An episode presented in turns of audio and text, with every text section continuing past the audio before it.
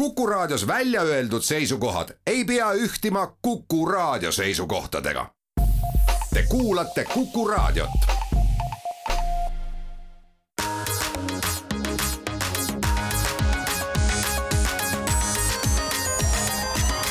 digitund.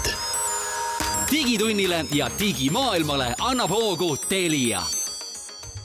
tere hommikust, head Kuku raadio kuulajad, on esmaspäev, kahekümne üheksas mai ja Digitund alustab. stuudios on Indrek Vaheoja, Mait Tafenau ja Andrus Raudsalu. ja saate teises pooles liitub meiega ka Heigo Ensling, Telia tehniline koolitaja, kellega me räägime erinevatest telefonidest, kuna käes on ju teatavasti kooli lõpuaeg ja alati on see küsimus, et milline siis uus telefon koolilõpetajale suveks osta, siis saame ehk sellele selgitust ja paljudele, paljudele teistele telefonidega seotud küsimustele ka. aga alustame kõigepealt traditsiooniliselt turvauudistest, nimelt on siis äh, kätte jõudnud äh, soojad ilmad ja sellega seoses ka äikesehooaeg ja see tähendab seda, et äh, tuleb siis olla ka eriliselt valvas oma koduelektroonika osas, et ei tasu neid mitte äiksega jätta pistikusse. ma isegi sõnastaks niimoodi, et kõige suurem küberturg kurjategija suviti ongi äikene, eks ju. ja, ja seetõttu vist on ka Telia võtnud kätte ja teinud endale uue teenuse, nii et kui seal nagu kuskil oled äh, äiksepiirkonnas parasjagu omamas Telia mingeid seadmeid, siis saad selle kohta ka SMS teavituse, kui need on juhuslikult sellel ajal online'is et selles mõttes päris, äh, päris äge lähenemine, et noh, teinekord tõesti nagu jõuate siis jälgida, eks ju, et äike, äike su kodu lähedal on, noh. no kas sul ei ole suvel esimene asi kohe, kui sa oma nutiseadme kätte võtad, Lightning Maps äh, org lahti ja, ja kohe hakkad vaatama, kus kohas siis paugutatakse ja kus kohas ei paugutata? Päris imelik jah, et ma. ei ole niimoodi. võiks muidugi jälgida,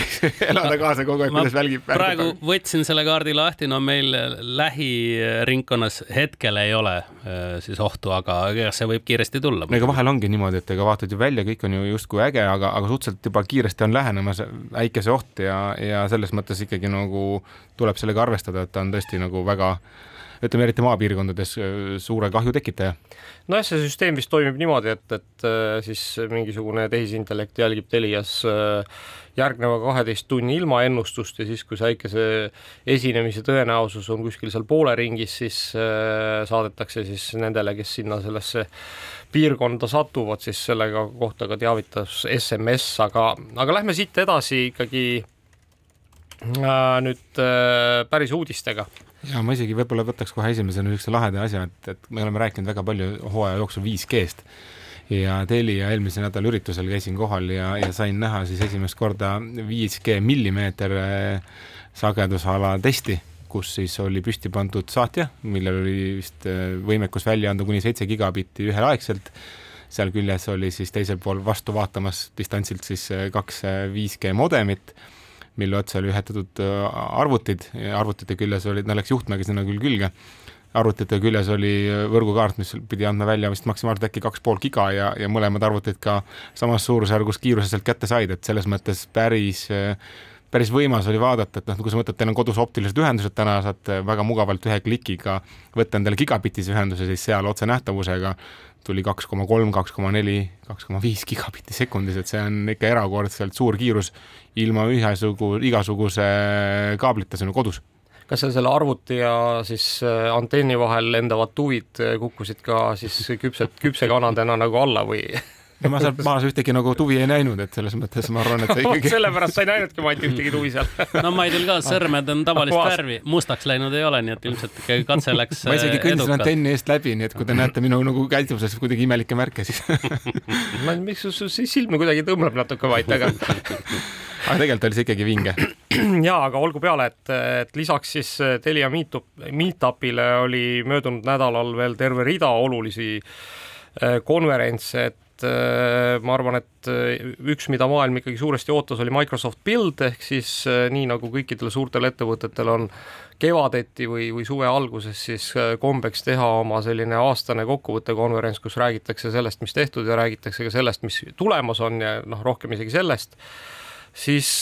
nüüd toimus siis see Microsoftile ausalt öeldes noh, vaadates siis Microsofti juhi Satya Nadella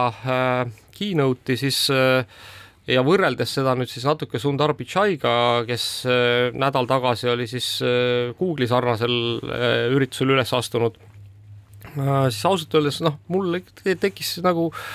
kangesti selline tunne, et, et hetkel ikkagi Microsoft on rokkstaar ja, ja, ja Google on nagu sihuke noh, nagu sihuke lohisev järgi. jah, lohi järgi lohisev bänd on ju, et et see on see koht, kus öeldakse, et kui oled ikkagi esimesena turul, siis sul on see jäme ots käes ja isegi kui teised võivad teha ei tea mis suure kukerpalli, siis nii suur see kukerpall ei ole kellelgi olnud, et, et oma kätte seda jämedat otsa saada. ei noh, vaata seal nagu, kui see Google'i, Google'i jutus oli ikkagi see, et me teeme seda asja kõike nagu turvaliselt ja mõtleme sada korda järgi ja siis noh, mis, mis kõik on tõsi tegelikult, see on kõik väga õige, eks, aga aga noh, kuidagi see Microsofti asjas oli palju rohkem elaani ja, ja noh, ütleme, et see, mida nad ikkagi näitasid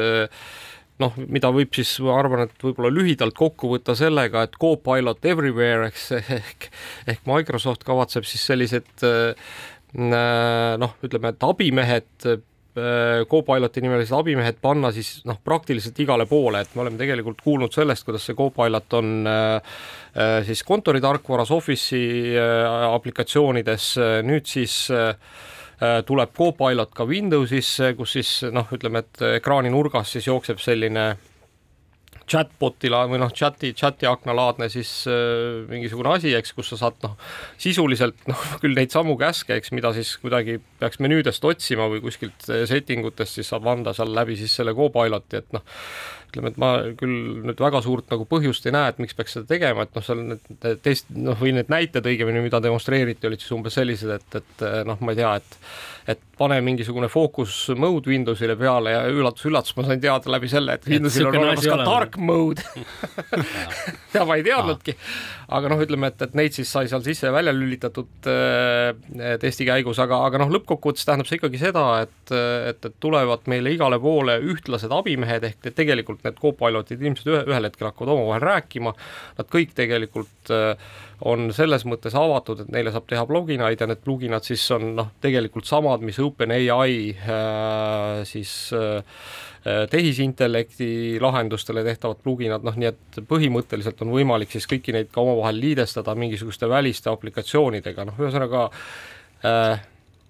tundub, et, et, et Windowsi kasutamine läheb oluliselt ägedamaks ja, ja, ja Windowsis saab teha ikkagi asju oluliselt lihtsamalt ja noh, ma ausalt öeldes nüüd väga äh, ikkagi suure huviga ootan, et äh, millega siis tuleb välja Apple juuni alguses oma, oma konverentsil, et kas neil on ka midagi sellist välja pakkuda? või hoopis Andrus kolib Maci pealt lõpuks Windowsile? seda, noh, ma ikkagi selle, selle, sellepärast, selle, sellepärast, et ma nüüd saaks nagu chatbot'is nagu dark mode'i sisse lülitada, et sellepärast ma ilmselt ei hakka veel Windowsi peale kolima. aga mõtle, tuleb ilma klaviatuurita Windowsi arvuti kõik asi käib suhtluse ai abil. By the way, Microsoftil tuli üks uh, uus toode veel välja, mille nimi on Microsoft Fabric ja see on mõeldud siis andme, andmetöötlejatele, et peaks tegema jällegi nagu kuidagi maailma selles osas kergemaks, et kes on andmeanalüütika fännid, siis palun minge vaadake. ja see, seda muuseas soovitan kõigil, kes noh, kuidagi mingisuguste, kes suurandmetega, töötlusega tegelevad või, või noh, ma ei tea, on kuskil korporatsioonis ja peavad nagu mingisuguseid raporteid koostama, siis siis see on kindlasti asi, millele tasub peale vaadata. aga noh, ütleme, et ega seal äh, noh, oli ka teisi, eks, uuendusi, et lõppkokkuvõttes ikkagi lisaks siis sellele, et äh, niisugused lõpptarbija lahendustele siis tehisintellekt igatepidi külge keevitatakse, siis äh, Äh, Microsoft ikkagi on ka oma Azure'i pilve siis lisanud tehisintellekti võimalused ja on seal siis tekkinud ka sellised võimalused, kus noh, kõik tarkvaraarendajad või siis ütleme, teenuste loojad seal pilves saavad suhteliselt lihtsalt siis äh, noh, ütleme sar-, nii-öelda selle Coop-, Copiloti sarnaseid siis äh, tehisintellekti lahendusi ka oma rakendustele külge keevitada. ja siis teine asi, mis jäi mulle veel silma, oli see, et et Microsoftil Copilotile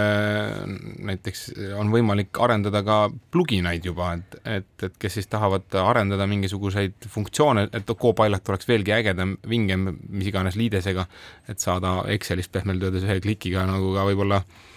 ma ei tea, mingeid asju lülitada kusagil, võib-olla väike plugin ja ja, ja peale ainult Exceli tabeli genereerimise tehakse ka kuskil mujal kohe midagi otsustavat ära, saadetakse näiteks ma ei tea, mingit lülitit lülitama kuskile, mingisugune mm. automaatika.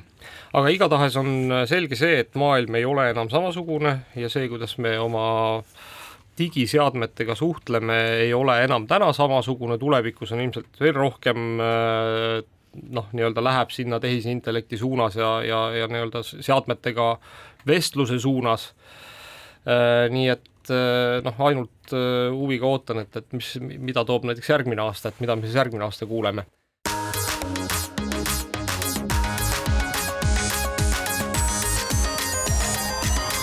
Digitund. digitunnile ja digimaailmale annab hoogu Telia digitund jätkab oma teise veerandiga, stuudios jätkuvalt Indrek Vaheoja, Mait Tafenau ja Andrus Raudsalu ja jätkame ka möödunud nädala oluliste sündmuste ülevaadet ja jõuame siis järjekorras sellise sündmuse juurde nagu Latitude viiskümmend üheksa, mis teatavasti on siis meie regiooni suurim ma siis ei oska öelda, tehnoloogia ja startupidele suunatud siis festival Äh, kus muuhulgas siis äh, lisaks kõikvõimalikele paneelidele, diskussioonidele toimub ka ilmselt Eesti suurim siis äh, startup'ide pitch contest ehk siis see koht, kus nad siis käivad ja oma, oma toodetest räägivad ja on võimalik võita seal siis ka auhindu või investeeringuid. Sellel korral siis jagati seal välja Eesti kohta ikkagi erakordselt suur summa, et ma mäletan neid noh, siis äh, võistlusi, kus äh, noh, umbes sada tuhat tundus juba nagu siis kogu võistluse peale selle auhinnapotina nagu ikkagi väga märkimisväärne, äh, siis seekord jagati välja üks koma kakskümmend viis miljonit võite mind parandada, aga minu arust ei ole kusagil mujal nii suurt summat üldse nagu festivalil välja antud, alati on need väiksemad on vähemalt sa mõtled, sa mõtled kus Eestit Eestis? ikkagi. üldse? üldse? ei, ma, ma ei pea veel silmas nagu investeerikul üldse, aga üritusel kui sellisel. ei, ei, ei jäta nüüd, Mait, kindlasti on, et, et ma arvan, et mingit no ise nad seal laval TechCrunch ütlesid. Disruptil või kuskil niisuguses kohas kindlasti on, et, et, et ma ei, ma selles mõttes ei, ei või, paneks siin neid nagu ühte patta, on ju, et ma ei usu, et see nii on okei et okay,, no võib-olla ma ma sain arvan, et me võime oma aga fakte kontrollida, aga ma olen üsna kindel, et noh, mingisugusel suurel festivalil kuskil las Maidule jääb see nüüd äh, rõõmus äh, mõte vähemalt, et meie oleme hetkel ikkagi nagu selline no kõige oluline, suurem. oluline on ikkagi see, et suured summad äh, rahad läksid tegelikult ettevõtetele aga välja. ja, ja, ja selles mõttes, mis on, mis on nagu see, mis on ka oluline, et, et noh, kui me nüüd räägime ikkagi nendest võitjatest, eks, kus kes võitsid siin mõni nagu viissada või kuussada tuhat, siis see on ikkagi alustavale ettevõttele täiesti märkimisväärne summa, mille eest saab ikkagi juba päris kõvasti oma toodet arendada edasi, nii et noh, see ei ole mingi naljaraha, et, et sain, sain kakskümmend tuhat ja siis noh, vaatan ja, ja ütleme, et põhiline, mis ma sain, siis oli see kuulsus tegelikult, et ma selle kakskümmend tuhat võitsin, et noh, tegelikult siin on need summad on ka ikkagi märkimisväärsed, nii et noh, selle tõttu või selle eest siis aitäh kõigile neile, kes sinna panustasid. et kui ma nüüd ei eksi, siis põhilised selle raskuse kandjad olid siis Estban ehk siis Eesti Äriinglite Assotsiatsioon ja Tera Ventures ja noh, kui ma nüüd siin kedagi jätan märkimata, siis andke mulle andeks, aga, aga noh, ütleme, et, et, et see oli see minu kui pealtvaataja mulje, et nemad põhilised panustajad seal olid. Ja räägime siis natuke nendest võitjatest ka paari sõnaga, et tegelikult me juba omavahel arutasime, et, et mõne neist me kindlasti tahaksime kutsuda ka siia saatesse ja võib-olla ka mõne sellise, kes ei võitnud ilmtingimata raha, aga kes tundub meile muidu oluline või, või, või, või põnev. Aga esimese, noh, võib, võib siis nii öelda, et esimese koha või vähemalt kõige suurema summa investeeringuna kuussada tuhat eurot sai ettevõtte nimega Flowstep, kes siis valmistab sellist tarkvara, mis noh, ütleme, et et juhul, kui te olete mingisugune tootejuht või siis tootedisainer, kes peab noh, ütleme siis tootes disainima sellise kasutaja liikumise läbi siis selle konkreetse toote või teenuse, siis nemad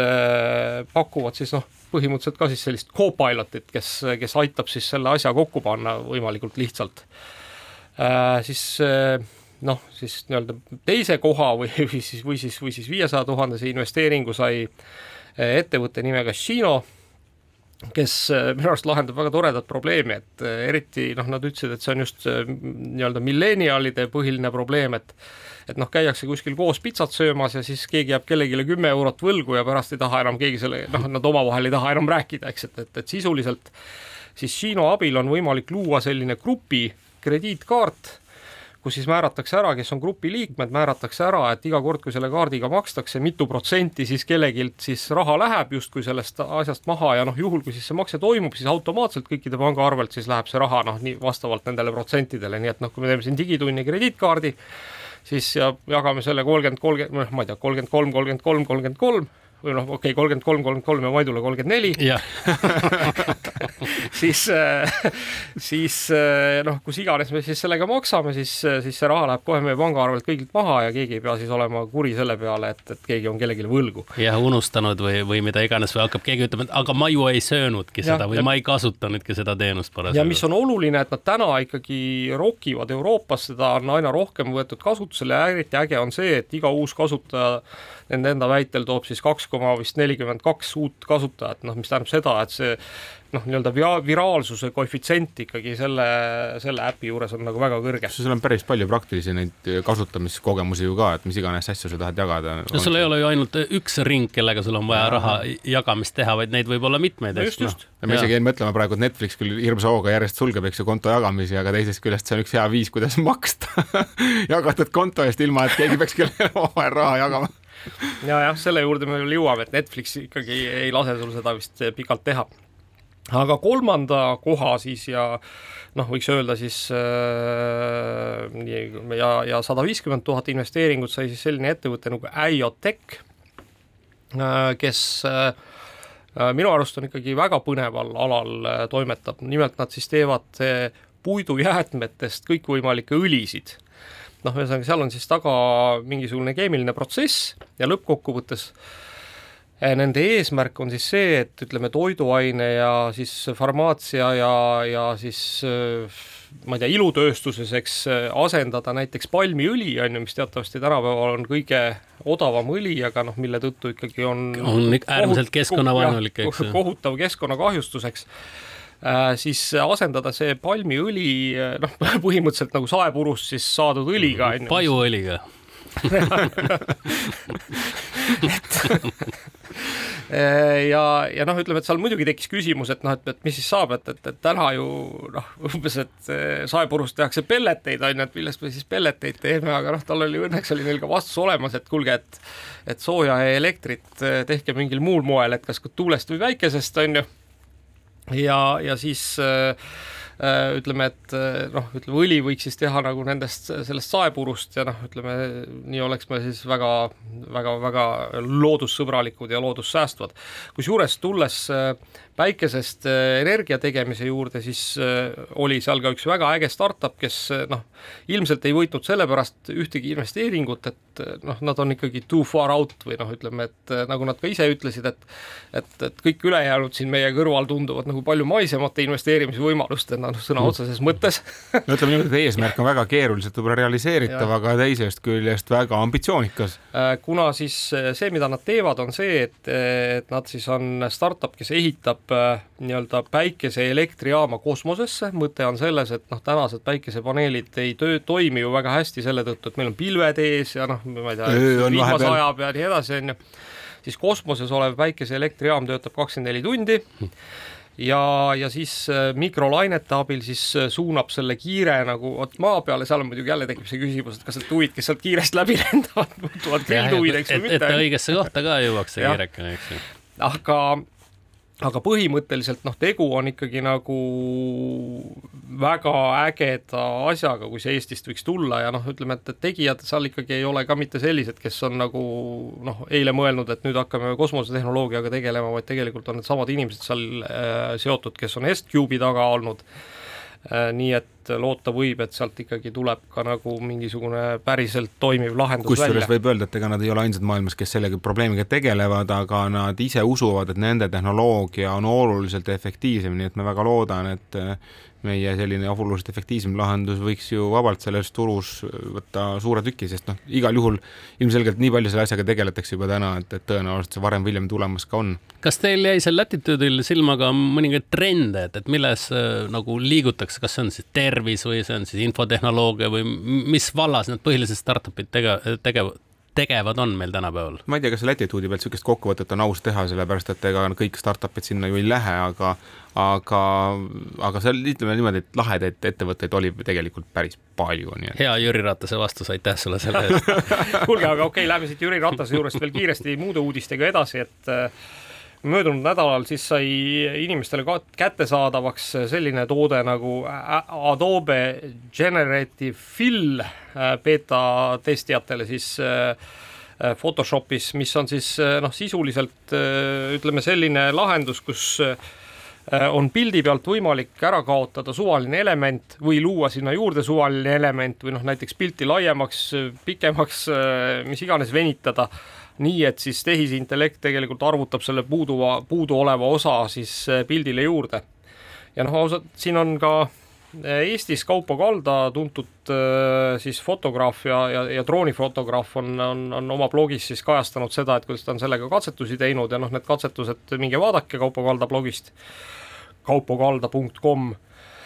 äh,. on päris ikkagi, päris jah, päris sellised muljetavaldavad, et tõepoolest on võimalik ikkagi täiesti noh pea, noh, ütleme mõnel juhul peaaegu et päris tunduvana, aga mõnel juhul ka täiesti äh, reaalselt tunduvana ikkagi panna tõesti erinevaid elemente fotodele juurde või koristada neid ära, nii et ei saa mitte midagi aru. minu arust see on tore, et äh, tavaliselt äh, noh, mitte alati ei ole nagu kõige juhtivam arendaja, kõige kiirem oma uute tehnoloogiate juurutamises, aga Adobe ilmselgelt ei maga, ka eelmine nädal, kui me rääkisime TrackCanist, siis arutasime, et noh, mis järgmiseks Adobe'l tuleb ja, ja kohe tuligi Generative ai beeta välja, eks, millega on siis võimalik väga mugavalt selles samas juba harjumuspärases tarkvaras, mida nagu nii laialt kasutatakse, ka järgmist tehnoloogiat kasutada no me ei ole muidugi ka saanud äh, siin tükk aega Elon Musk'i äh, ja positiivse uudisega koos nagu äh, juttu teha ja, aga nüüd siis ikkagi saame, sest et Neuralink on ajaloolise sammu siis astunud või astumas, seepärast et Ameerika ravimi- ja toiduamet andis siis nüüd loa Neuralinkile alustada inimkatsetega ja noh, seda on siin tükk aega lubatud ja, ja, ja soovitud ja tahetud, aga noh, siiamaani ei saanud, aga, aga nüüd vist, kas oli Andrus niimoodi, et viimane eh, selle ametipoolne nõue oli seal mingi kolm lehekülge dokumente, mis tuli täita veel, eks ju. jaanuaris-veebruaris rääkisime sellest ja siis arutasime, et noh, et tõenäoliselt sellel aastal nad ikkagi mingite katsetustega ei alusta, aga näed, võta näpust, et äh, said ikkagi hakkama. panite ennast vabatahtlikuks kirja, ma saan aru? veel ei võeta vist vabatahtlikke vastu, et Aa, et aga. ai valib välja, kelle jään hetkel vastuse võlgu, aga kui, kui tekib, kui siis testid või tähendab, vabandust, ankeedid netti tulevad, et, et siis panen küll kirja ennast. kuulge, aga siit veel kiireid Telegrami stiilis uudiseid, et äh, et esiteks räägime natukene Metast. Äh, Meta sai eelmisel nädalal siis Euroopa Liidu käest äh, rekordtrahvi üks koma kaks miljardit eurot, siis noh, sisuliselt on tegu GDPR-i reeglite rikkumisega, ehk küsimus on selles, et et kuhu siis Facebook ikkagi lõppkokkuvõttes saadab kliendi andmed ja noh, teatavasti Euroopa Liit nõuab, et neid väljaspool Euroopa Liitu töödelda ei tohi, aga noh, ilmselt ikkagi mingil hetkel mingisugused andmed liiguvad ka Ameerika Ühendriikidesse ja noh, selle eest siis sai nagu Meta sellise kõva trahvi, noh loomulikult kaebavad nad selle edasi, vaatame, kuhu see viib äh,. Siis teine oluline uudis, mis ma arvan äh, noh, ütleme, et puudutab ka sotsiaalvõrgustiku tulevik ja tulevikku on see, et on siis välja lekkinud äh, info, et äh, Instagram äh, plaanib siis hakata lansseerima Twitteri konkurenti, hetkel on selle koodnimi B üheksakümmend kaks või Barcelona, aga sisuliselt on siis tegu üsna Twitteri sarnase noh, sellise tekstipõhise sotsiaalvõrgustikuga, mis siis kasutab sedasama plat-, Activity Pubi plat-, platvormi, mida kasutab ka näiteks Mastodon, ehk siis see noh, ütleme praegu siis levima hakanud alternatiivne sotsiaalvõrgustiku, võrgustike platvorm, mis siis peale Twitteri Elon Musk'i poolt äraostmist hakkas, hakkas nagu suuremat äh, kõlapinda maailmas leidma. nii et noh, mine nüüd tea, et kui Meta ikkagi sellele teele astub, et siis on, ma ei tea, kas Twitteril on game over või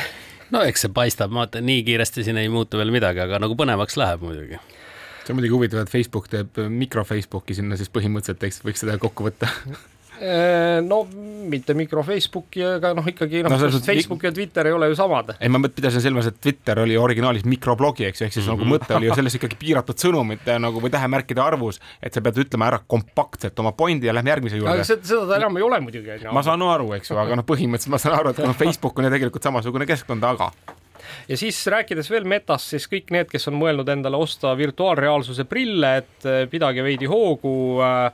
Meta Quest kolm on äh, tulekul, väidetavalt on siis tegu oluliselt võimsama ja oluliselt kergema ja väiksema siis prillikomplektiga. Ja viimane uudis, ennem kui me läheme reklaamipausile, on see, et Tesla Model Y on kaks tuhat kakskümmend kolm esimeses kvartalis maailma enim müüdud sõiduauto, mitte elektriauto, vaid sõiduauto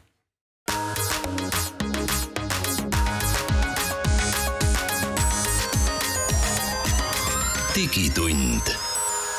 digitunnile ja digimaailmale annab hoogu Telia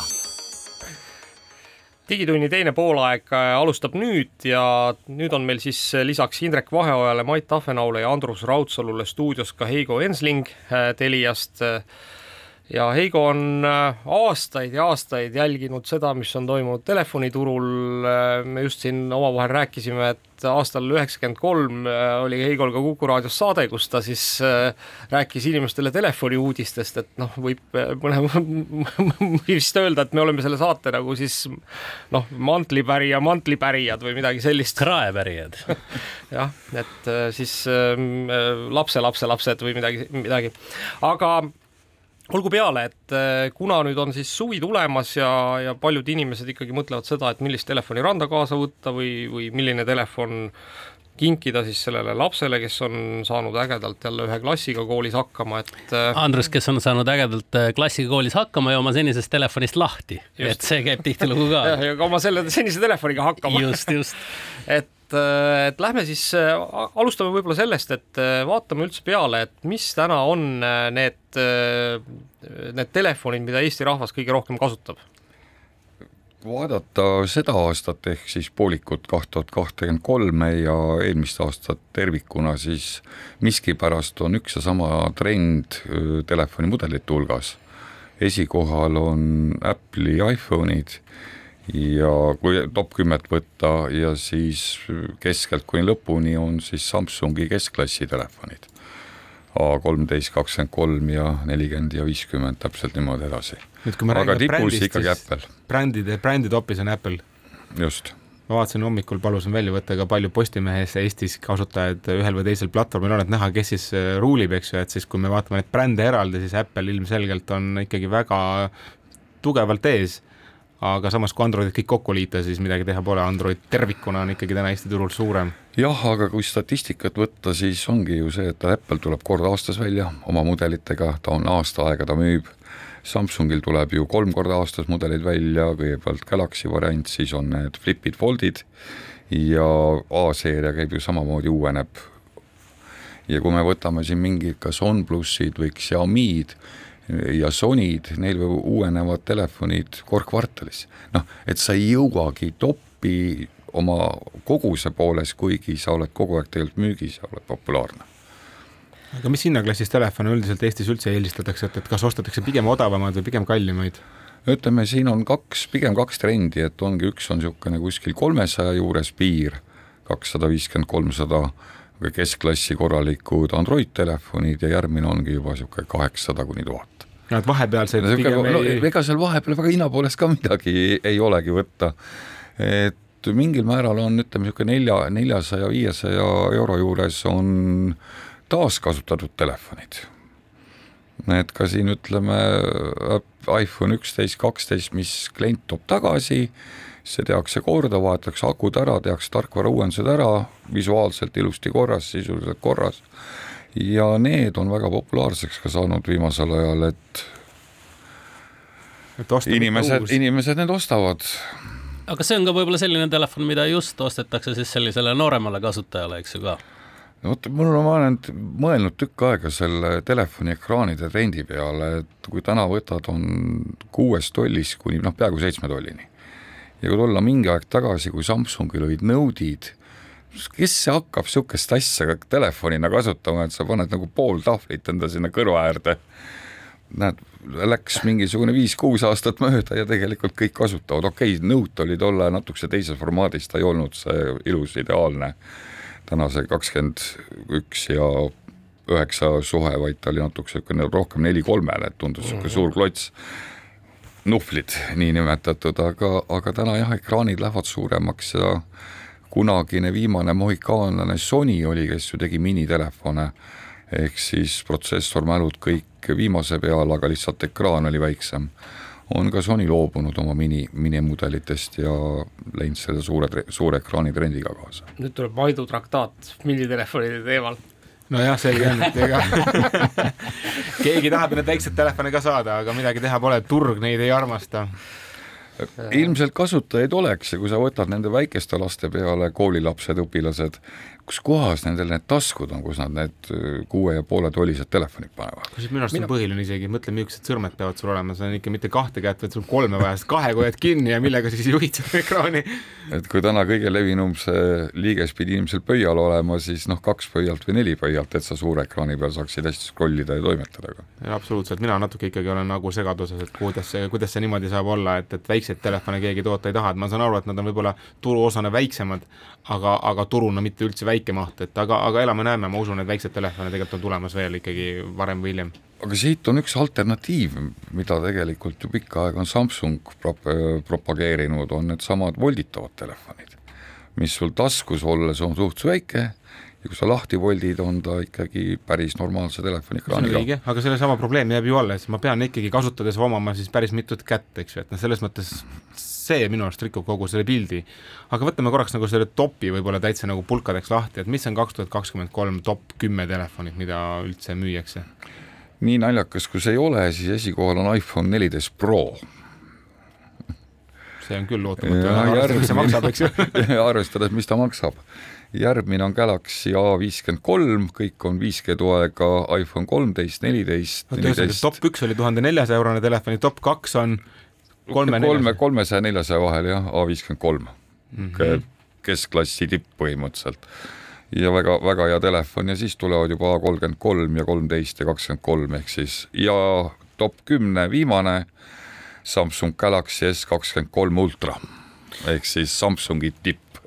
aga top kümnes ongi meil ainult, eks ole, Apple'i iPhone'id ja Samsungi Galaxy'd. ja muid, muid siia ikkagi ei jõua ja ilmselt ei ole ka väga lähedal. Ega ei olegi, siis ma ütlen, et kuna teistel need uuendused toimuvad nii palju kiiremini ehk koguliselt üks mudel ei jõua sinna tippu. aastast müüki on niivõrd palju vähem, eks. just mm. -hmm samas on ka mingeid muid brände, ma ei tea, milliseid brände Telia müüb, milliseid ei müü üldse, et selles OnePlus on müügis, Xiaomi on müügis, Sony on müügis aga ma ütlen, et noh, kuna ikkagi seal on tegemist ühe mudeliga või kahe mudeliga, OnePlusil kaks mudelit, et ja Nokia, ütleme need alumise otsad ikkagi siin kuskil saja kahekümne euro eest saad täna juba ju nutitelefoni Androidiga ja täiesti kasutatava. et ka Nokiat ikkagi täna võib-olla on need, kes täna on välja vahetamas oma nuputelefoni, nutitelefoni jaoks, on võib-olla need Nokia ostjad kõige Läh, rohkem. tuntud, tuntud bränd ka, eks. harjunud juba, eks ju. Nokia nupult pealt, noh, Nokia nupuka peale, just. aga ütleme niimoodi, et selle müügi kinnituseks jälle seesama Postimehe statistika, mis mul on olemas siin praegu on seitsekümmend protsenti jämedalt võiks öelda, on ikkagi nagu Samsungi iPhone'i käes, et kõik ülejäänud moodustavad karja peale siis selle ülejäänud kolmekümne, eks ju, et. Eesti turus peaks olema nende kahe peale kaheksakümmend protsenti, noh, isegi ütleme müügi vaates Mm -hmm. aga kuna ütleme, veebibrauseris ju käiakse erinevate seadmetega ja,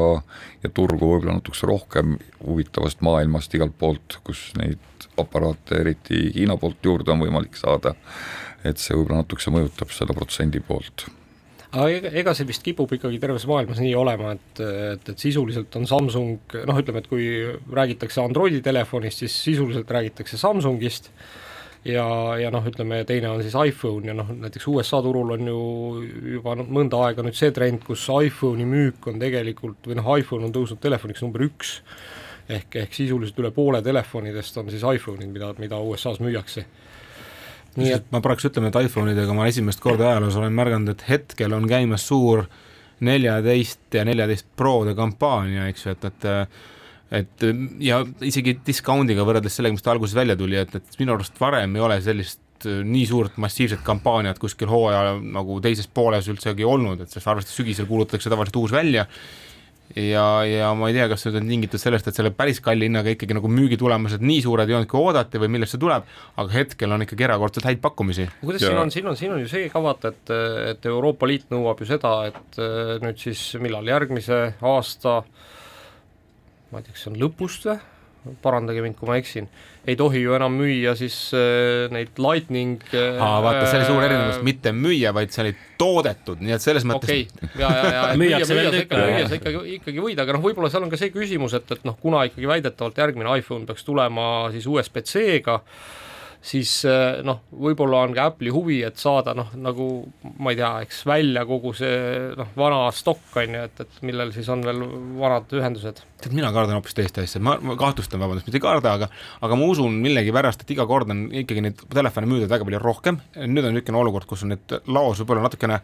võib-olla prognoosist vähem ära müüdud kui tegelikult ja siis sellest tulenevalt on see kampaania, sest noh, päriselt ega hind tuli ka erakordselt kõrge, nii kallis telefon ja Apple'il pole varem ju olnud,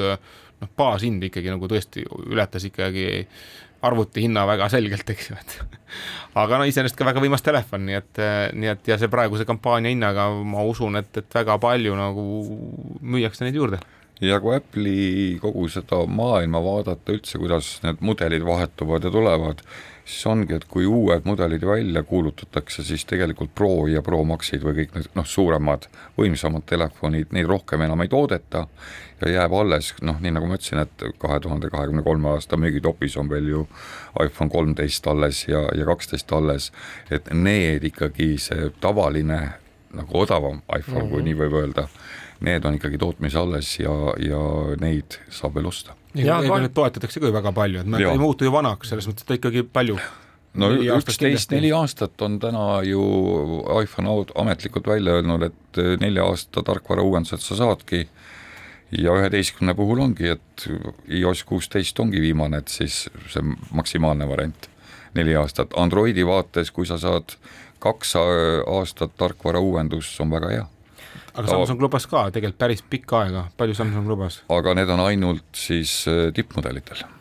okei okay.. jah, aga kahjuks, kahjuks on küll, küll on nüüd see, et et ega see iPhone'i hind on ju isegi nendel vanadel iPhone idel ikkagi ei kipu nagu väga palju kukkuma, et et noh, ausalt öeldes kui ma vaatan nagu Android'e, siis noh, kaks aastat vana Android on ikkagi võimalik saada nagu väga soodsa hinnaga, on ju, aga noh, ütleme, et iPhone'i noh, ma ei tea, hind võiks ikkagi ka jõuda sinnani, et hakkab rohkem kukkuma, aga aga see selleks, läheme siit reklaamipausile ja siis arutame nende telefoni hindade üle edasi.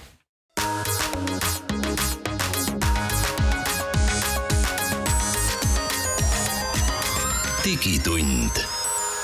digitunnile ja digimaailmale annab hoogu Telia digitunni viimase veerandi eetris on Indrek Vaheoja, Mait Tafenau, Andrus Raudsalu ja Heigo Ensling Teliast ja lahkame siin telefonide hingeelu ja jõudsime nende hindade juurest, ma arvan, et võib-olla nendel hindadel isegi pikemalt ei peatuks, kuigi me lubasime veel edasi sellest, sellel teemal natuke jahvatada, et et räägime parem telefoni omadustest, et ma tahaks ühe asja kohe ära klaarida, et, et kui siin, ma ei saanud ennem sõna, on ju, et, et kui siis kui siin räägiti telefonide ekraanidest, et noh, et, et lapsel oleks õudselt hea nagu ikkagi tasku pista nagu väikese ekraaniga telefon siis mina noh, ma tahan lihtsalt selle oma, oma vaate ka siia juurde pakkuda teile, et ma, mina vastupidi, olen alati oma laste peale mõeldes äh, ostnud neile võimalikult suure ja võimalikult hea ekraaniga, noh, ütleme siis võimalikult suure ja võimalikult tiheda ekraaniga telefonid, seepärast et kui te vaatate lapsi, siis äh, noh, kui mitu protsenti ajast on nende silmad telefoni ekraani peal ja kui mitu protsenti ajast on nagu mitte telefoni ekraanil, ma ei tea, mis see tänapäeval on, et võib-olla vabalt viiskümmend, viiskümmend, siis arvestades seda, et mida parem ekraan see on ja mida suurem, siis seda, seda vähem teil hiljem prillide peale raha kulub. kuule, aga äkki selles valguses ikkagi see on see aeg, kus peaks lapsele ostma nagu telefoni ja siis selle, siis telefoni nagu eraldi, saate aru, mis ma mõtlen, jah, et üks see telefon, see, millega sa nagu, nagu tööd teed ja teine see, millega sa räägid, et kui sa bussipeatuses selle tahvli kätte võtad ah,. okei okay,, et, et me jõuame tegelikult siia, et, et, et noh, et telefon muutub nagu arvutiks, eks, et võiks olla väline ekraan. no ta ongi muutunud, eks aga siinkohal on täiesti alternatiiv olemas, et kui sa ei taha, et laps istub kogu aeg te telefoni ekraani peal, osta lapsele kell, mis räägib. SIM-kaart sisse, kõned, SMS-id ja et see kõik kõned ilma, ilmateade on olemas, aga sul ei ole vähemalt eriti palju mänge ja, ja niisugust vahtimist, mida sa saaksid ekraani peal teha. see on tõsiseltvõetav plaan, et ma ostan lapsele telefoni asemel kella ei ole, see on lihtsalt ole, alternatiiv lihtsalt välja pakutud siitpoolt minu poolt. Messenger ju ka enam varsti kellas ei tööta Apple'i kella ei pea ostma, sest Apple'i kell ei tööta niikuinii ilma iPhone'ita. aga mõnes teises kellas töötab Messenger või? Vaat seda ma ei tea, aga kees, eesmärk on ikkagi rääkimisel, eks ju, et noh, et saaks nagu mugavalt. ei, vaat, vot siin te olete kõigest ikkagi täiesti valesti aru saanud, et, et kui te nüüd vaatate lapsi, on ju, siis äh, ma arvan, et ükski laps ei saa aru üldse, et mis asi see rääkimise funktsioon on telefonis. Nad ja. ei räägi, nad räägitakse ainult siis, kui on räägi. vaja raha. emale helistatakse ja jõudsin koju, mis ma nüüd süüa võtan.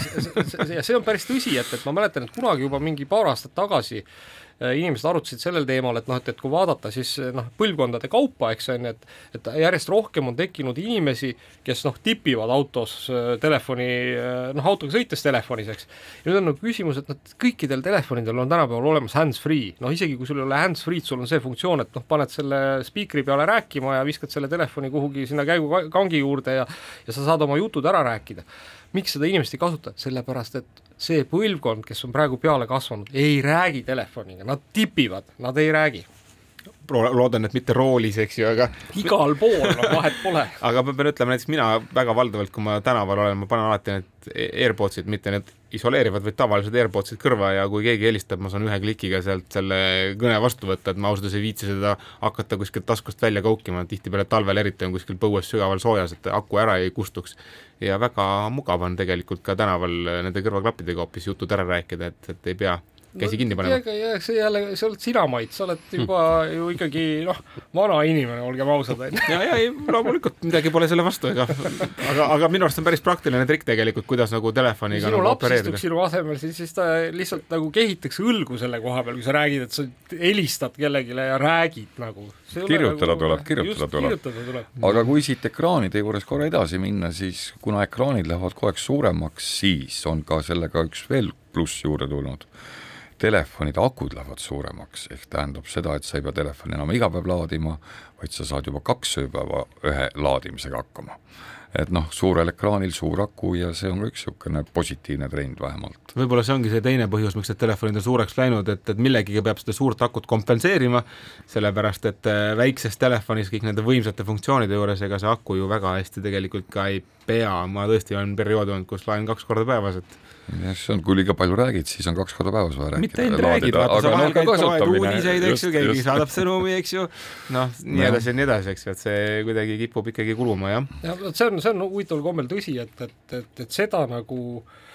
noh, selle peale ei ole siiamaani telefonitootjad mõelnud, et noh, tegelikult on kaks funktsiooni, eks, mille eest noh, mina oleks tõesti nõus nagu telefonis maksma, üks on see, et aku peaks vastu rohkem kui päeva, noh kaks, veel parem kolm või neli päeva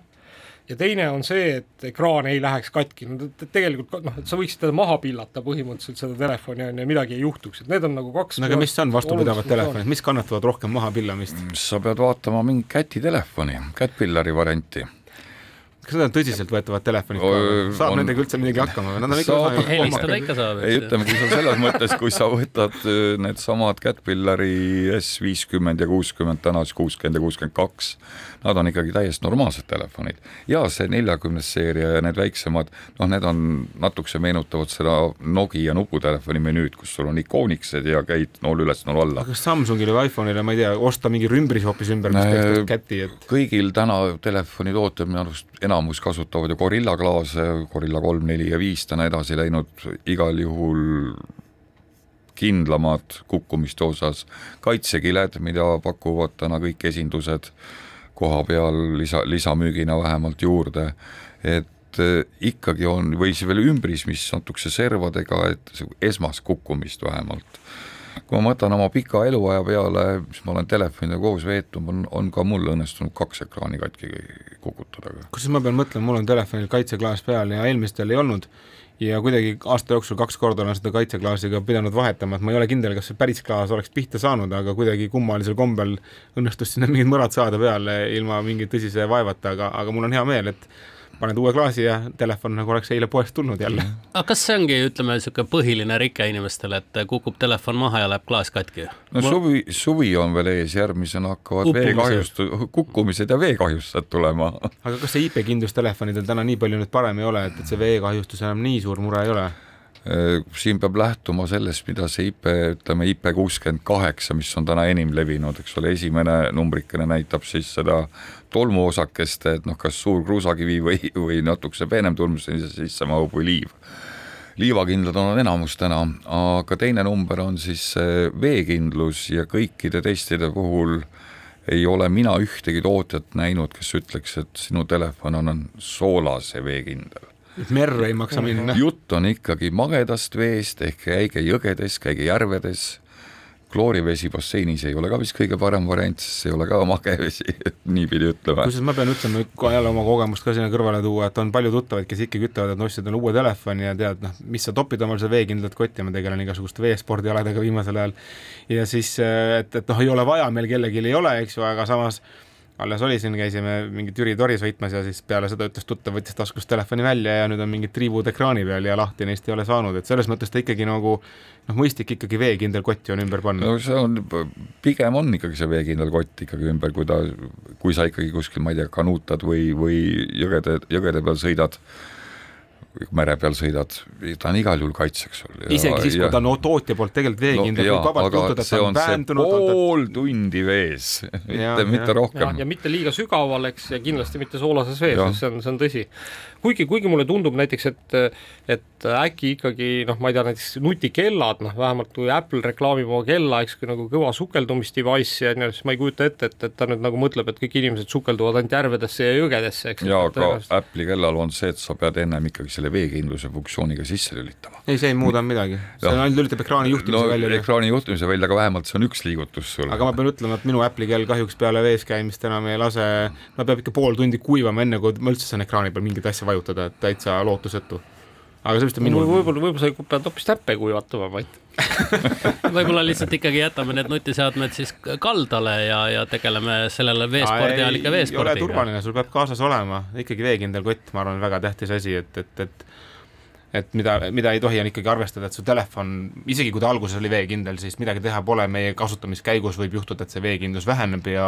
ja pärast äh, kuskil merel või jõel hädas olles noh, peab ikka arvestama. ekraani mikromõrad või mingid need asjad vist täpselt samamoodi või on natukese sul telefon paindunud selle raami sees, kus see vesi võib ikkagi veel väikse, minimaalselt sisse tungida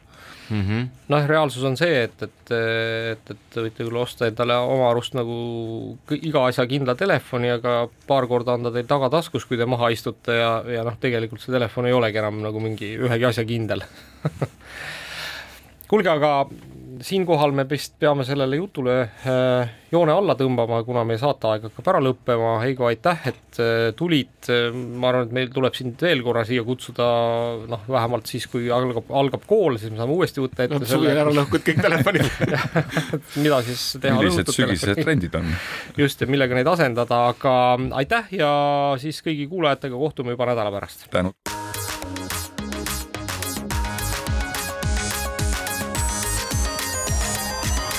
Digitund. digitunnile ja digimaailmale annab hoogu Telia